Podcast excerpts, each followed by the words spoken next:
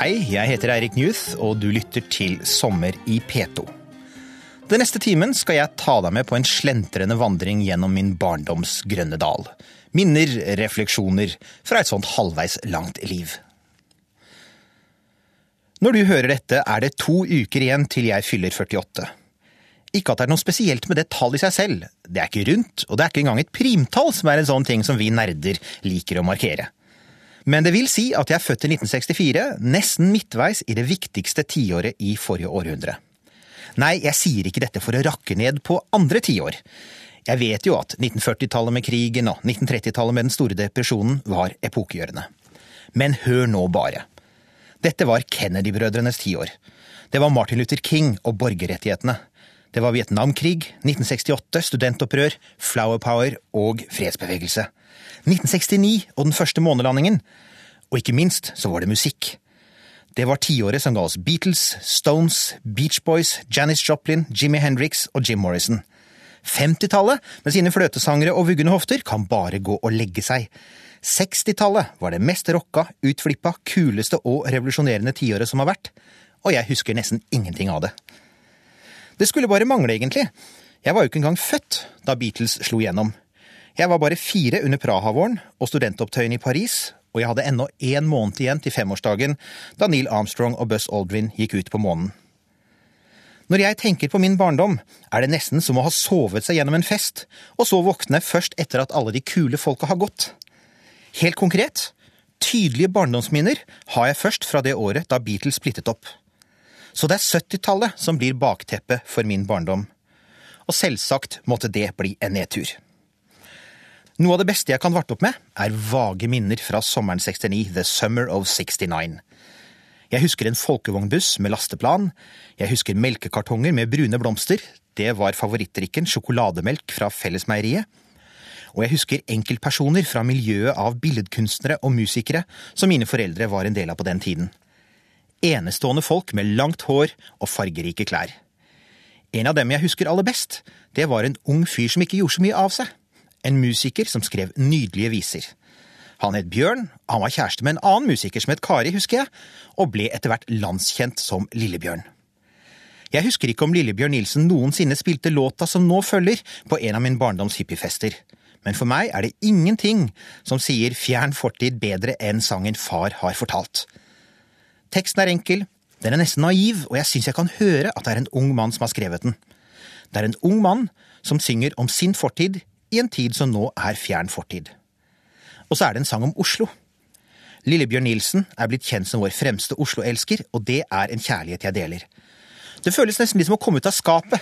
I Norge er kjærlighet til vår største by fremdeles litt The love that dare not speak its name, men her er jeg altså, ute av byskapet og stolt av det. Jeg vet, jeg vet, jeg overdriver. Selvsagt skortet ikke på viktige begivenheter på 1970-tallet. Det var tiåret som ga oss Watergate og slutten på Vietnamkrigen, for eksempel. Og det var tiåret som for første gang lot meg erfare hvor brutal vår verden kan være. Ved et merkelig sammentreff var den aktuelle datoen en 11. september, men i 1973. Stedet var Santiago i Chile, og hendelsen var et brutalt militærkupp. Etter at kuppmakerne hadde drept landets folkevalgte president, som het Salvador Allende, startet de en intens klappjakt på opposisjonelle. Mer enn 40 000 fiender av regimet ble samlet på landets nasjonale fotballstadion, der mange ble utsatt for mishandling og tortur, og tusener ble drept. En av dem var en av landets mest kjente poeter og visesangere, Victor Hara. Det fortelles at Victor Haras hender ble knust av soldatene som voktet han, og at de lene ba ham spille på gitaren sin med de ødelagte fingrene sine. Disse hendelsene fikk selvfølgelig tusenvis av chilenere til å forsøke å komme seg ut av landet. Jeg kan fremdeles huske TV-bildene av mennesker som i panikk klatret over murene til ambassadene i Santiago, og jeg vet at derfra ble mange etter hvert sendt ut i verden som flyktninger. En av disse chilenske flyktningfamiliene kom til Rykken, i trygge, solide Bærum, der jeg vokste opp. De flyttet inn i naboblokken, og jeg skal ikke legge skjul på at vi så på dem som ganske eksotiske. For på denne tiden ble ordet flyktning gjerne forbundet med Øst-Europa, ikke minst bølgen av ungarere som strømmet vestover etter oppstanden i 1956. Det var en stor familie med mange barn, og det tok ikke lang tid før de gikk i spansk og norsk på fotballplassen mellom blokkene. Ungene fortalte ikke mye om hva de hadde opplevd, men i stille netter hendte jeg fanget opp brokker av samtaler mellom voksne om hva som hadde skjedd med familien fra Chile. Og uansett så skjønte jeg jo på ungers vis at det å måtte rømme til motsatt side av kloden, til et land med omvendte årstider og en sol som til og med gikk feil vei over himmelen, ikke var noe man gjorde for moro skyld. Slik ble jeg altså en del av den første 11. september-generasjonen, vi som ikke bare fikk en dyp og livslang forståelse for flyktningsituasjonen, men som også bar med oss videre en dyp skepsis til USAs utenrikspolitikk. Ja, for septemberkatastrofen i Chile den skjedde med amerikanernes godkjenning og indirekte støtte, noe den daværende utenriksministeren Henry Kissinger bekreftet i et intervju på NRK for bare noen uker siden. Dette kom i tillegg til USAs Vietnamkrig, som var i ferd med å nå sitt blodige sluttpunkt i 1973, etter å ha kostet tre millioner vietnamesere livet. Her kunne det ha passet å spille nok en sang av Lillebjørn Nilsen. Hans eh, Victor Hara ble spilt mye på 1970-tallet. Eller vi kunne ha lyttet til Cornelis Freisviks Blues for Victor Hara, eller en av de mange andre hyllestene som hans musikerkolleger skrev i årene etter hans død. Isteden blir det en sang av mannen selv, Ni chicha ni limona, og her ironiserer Hara over de mange som ikke har tatt politisk stilling, som verken er chicha, det tradisjonelle maisølet i Chile, eller limona, limonade. I Kissinger-intervjuet jeg nettopp nevnte, sa for øvrig den gamle utenriksministeren at han ikke angret på noe. Han ville ha gjort nøyaktig det samme i dag som i 1973.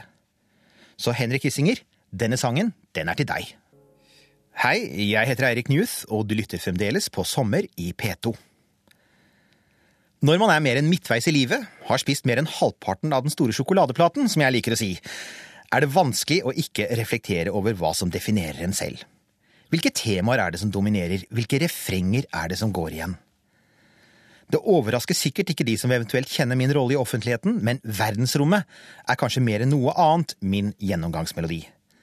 Jeg vet dette fordi mine foreldre har tatt vare på barnetegninger som viser at jeg var like fanatisk opptatt av dette for 40 år siden som jeg er i dag. Jeg er selv ikke i tvil om årsaken. Det var månelandingene. Selv om TV-sendingen fra den første månelandingen er blant de mange tingene som er forsvunnet i det svarte minnehullet fra 1960-tallet, så ble jeg sterkt preget av denne hendelsen og hele perioden. I likhet med resten av Apollo-generasjonen ble jeg sittende igjen med en følelse av at nå var alt mulig. Det var ingen grenser for hva vi mennesker kunne gjøre, bare vi bestemte oss for det. Vi kunne nå stjernene om vi ønsket det. Interessen for romfart ledet naturlig over i interesse for astronomi, den aller første boka jeg kjøpte for egne penger, den handlet om stjernehimmelen.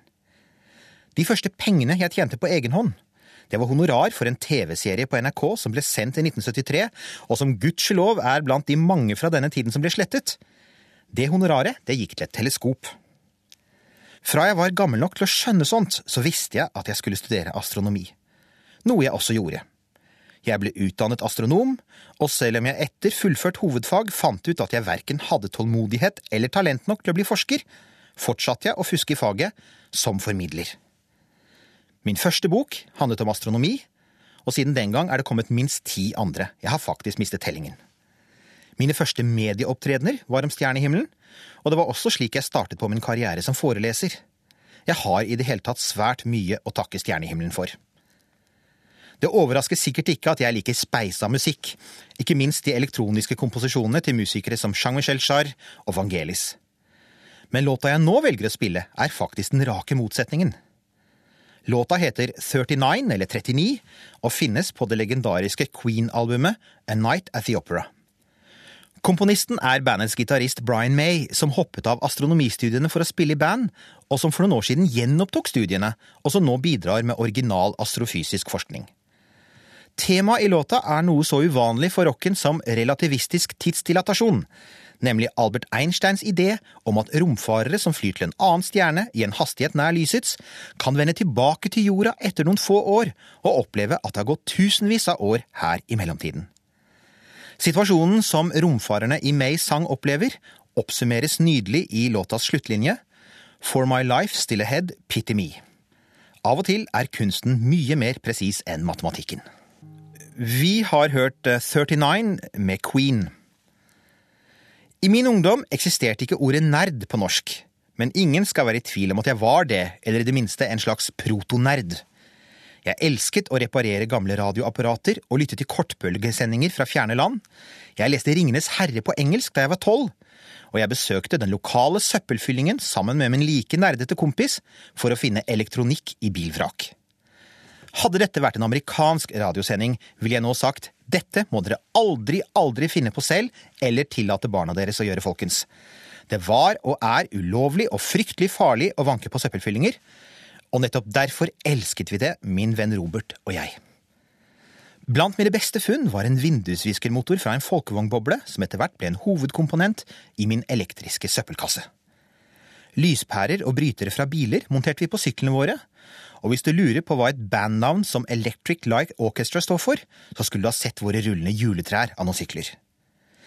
Men nerderi var ikke kostnadsfritt i en tid da begrepet var ukjent i Norge, og det var ennå mange år igjen til nerdene tok blodig hevn ved å stifte Apple og Microsoft. Så jeg og mine nerdevenner vi hadde en ganske røff tid på skolen.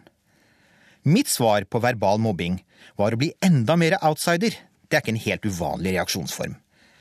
På Rykkinn i Bærum på 1970-tallet kunne man bli outsider på mange måter. Noen av dem var destruktive og førte altfor mange like lukt til narkohelvete på plata. Andre var kreative, som da forfatteren Nicolai Frobenius og min bror og mine kusiner valgte å bli punkere. Og noen var rett og slett sære. Jeg valgte en periode å bli pophater, for eksempel. Mens resten av klassen frikket seg til enten ABBA eller Sex Pistols, stakk jeg fingrene i ørene, bokstavelig talt. En viktig del av min protest var å dyrke den klassiske musikken, fortrinnsvis komponister vi aldri spilte i musikktimene. Slik endte jeg opp med å bruke mine første egne kroner som platekjøper på en innspilling av Dmitrij Sjostakovitsj symfoni nummer sju, også kjent som Leningrad-symfonien. Så mens min bror hadde Dead Kennedys på full guffe på sitt rom, vred jeg volumknappen på ti idet symfoniens første sats nådde sitt berømte klimaks. Det må ha vært gøy å være mine foreldre, innser jeg nå. Selv om jeg i voksen alder har lært meg å verdsette både ABBA og The Clash, Sex Pistols syns jeg fremdeles bare er piggtråd, dessverre, er kjærligheten til klassisk musikk fortsatt sterkest. Det er den jeg velger å ha på når jeg jobber, og som du eventuelt kan høre gjennom et åpent vindu om du tilfeldigvis skulle gå forbi mitt hjemmekontor i Tøyenparken i sentrum av Oslo. De senere årene er det Sergej Prokofjev den sovjetiske komponisten som døde samme dag som Josef Stalin, visstnok av ren og skjær glede over at monsteret endelig var borte. Det er han som oftest surrer i mediaspilleren. For meg er Prokofjev den komponisten som oftest finner den perfekte balansen mellom det melodiøse og det moderne. Her er dette representert ved et ungdomsarbeide, andre sats eller largetto fra symfoni nummer én. I likhet med stadig flere sønner av Norge er jeg også sønn av en innvandrer. Min far kom hit i 1962 fra England til Einar Gerhardsens Norge, lokket av en søt blondine han hadde møtt da hun var ryggsekkturist på europaturné. Gudskjelov fant han henne etter å ha rotet rundt i Oslo sentrum i altfor tynne klær en iskald vinterdag. Ellers hadde ikke jeg sittet her. Dette var en tid da få nordmenn snakket et fremmedspråk, og i den grad de gjorde det, var det vel så ofte tysk som engelsk. Det var da Se Norges blomsterdal med Deep River Boys var høyden av eksotisme, og nordmenn han møtte var mest opptatt av hva min far hadde gjort under krigen. Jeg satt i barnevogna og pepret tyskere, var hans standardsvar. Min far kom hit for å søke lykken, og han fant den. Fra han fikk sin første jobb på trikken. Og her passer det med en dyp takk til Oslo Sporveier, som har bidratt mer til integrering av innvandrere i Norge enn noen annen institusjon og til min far nå kan nyte sin folkepensjon etter å ha bidratt til statskassen i nesten 50 år, så har Norge behandlet han godt. Det hjalp helt sikkert at min far var en hvit innvandrer, fra en kultur som mange oppfatter som svært lik det norske. Men akkurat her tar folk faktisk feil, noe nordmenn som setter seg inn i britisk dagligliv, ganske raskt oppdager. Ta bare et fenomen som klasseforskjeller. Den avslepne aksenten nordmenn kaller for Oxford English, er i virkeligheten en sosial markør som i stor grad styrer en persons skjebne fra vugge til grav. Så selv om jeg og mine søsken alltid er blitt tatt for å være norske, så er vi egentlig multikulturelle. I våre dager mases det mye om multikulturalismens problemer, unnskyld, utfordringer, men jeg husker det først og fremst som en fordel, som noe frigjørende. Ta tospråkligheten. Den fikk jo engelsktimene til å gå som en lek. Familiens katolske bakgrunn ga oss fri fra kjedelig religionsundervisning. Vi feiret engelsk og norsk jul, hvilket betydde at vi fikk gaver både på julaften og første juledagsmorgen. Men viktigst av alt, vi hadde en åpen kanal til den store verden, lenge før det fantes noe internett, i en tid da Norge var et traust, for ikke å si ganske grått, sosialdemokrati. Vi hadde tilgang til tegneserier, TV-serier, filmer, bøker, godteri og matretter som rett og slett ikke eksisterte i Norge på den tiden. Jeg vokste for eksempel opp med britisk humor i Arve Oppsal og Leif Justers tidsalder.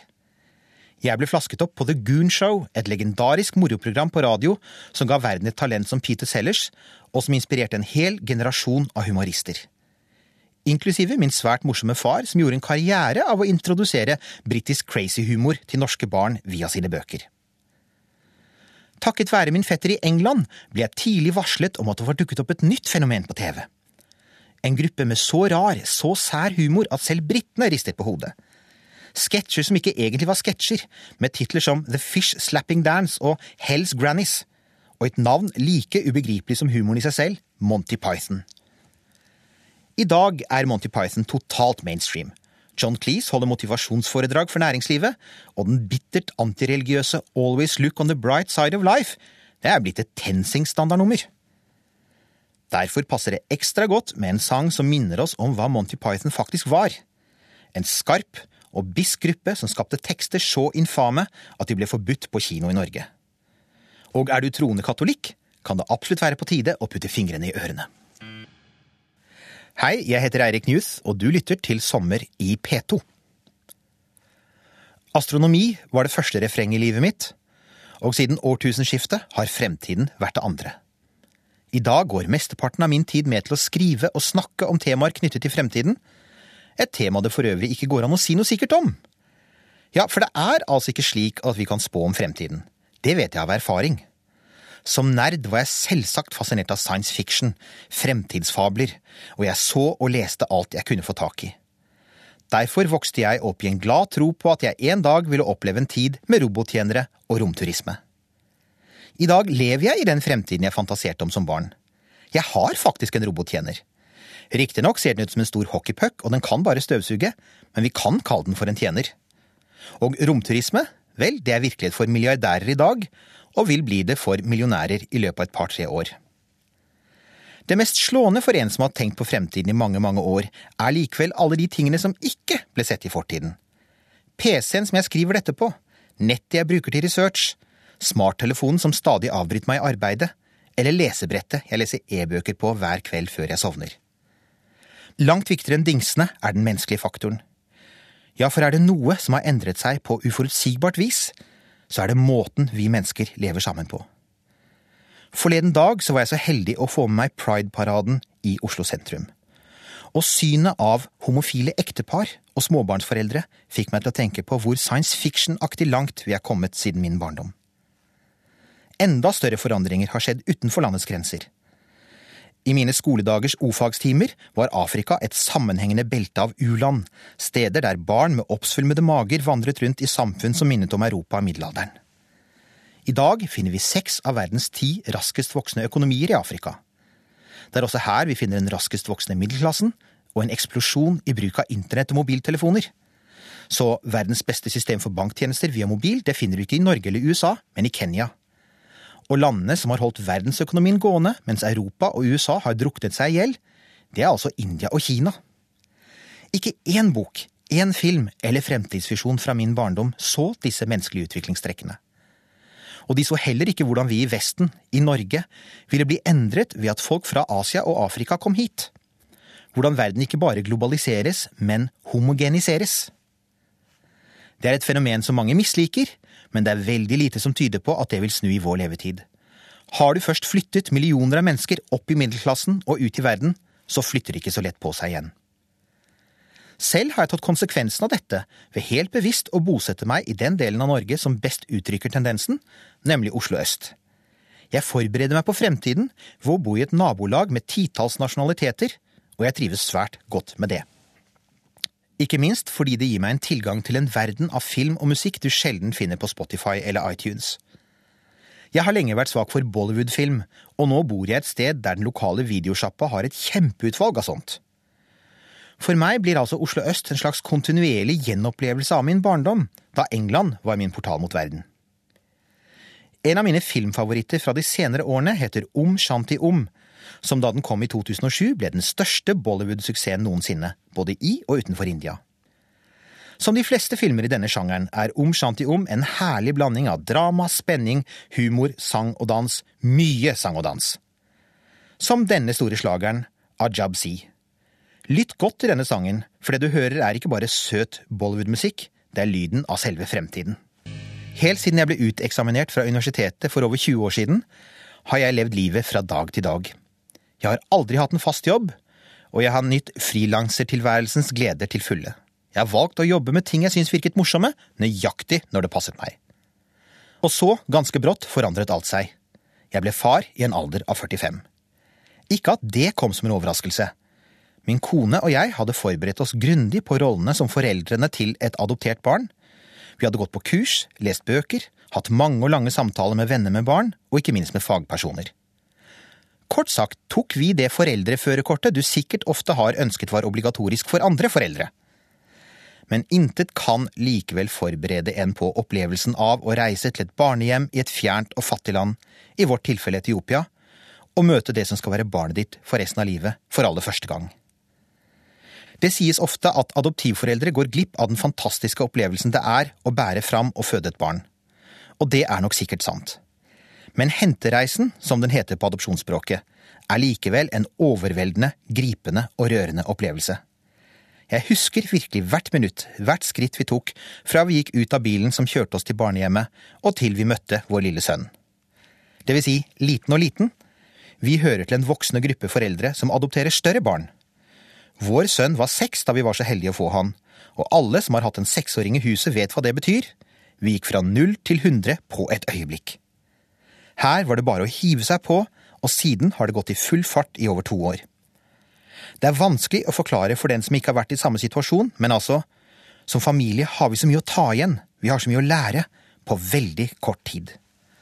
Og mesteparten av jobben må tilpasse seg en vilt fremmed kultur, et helt annet klima, lære seg et nytt språk, nye matvaner og en helt ny måte å leve på.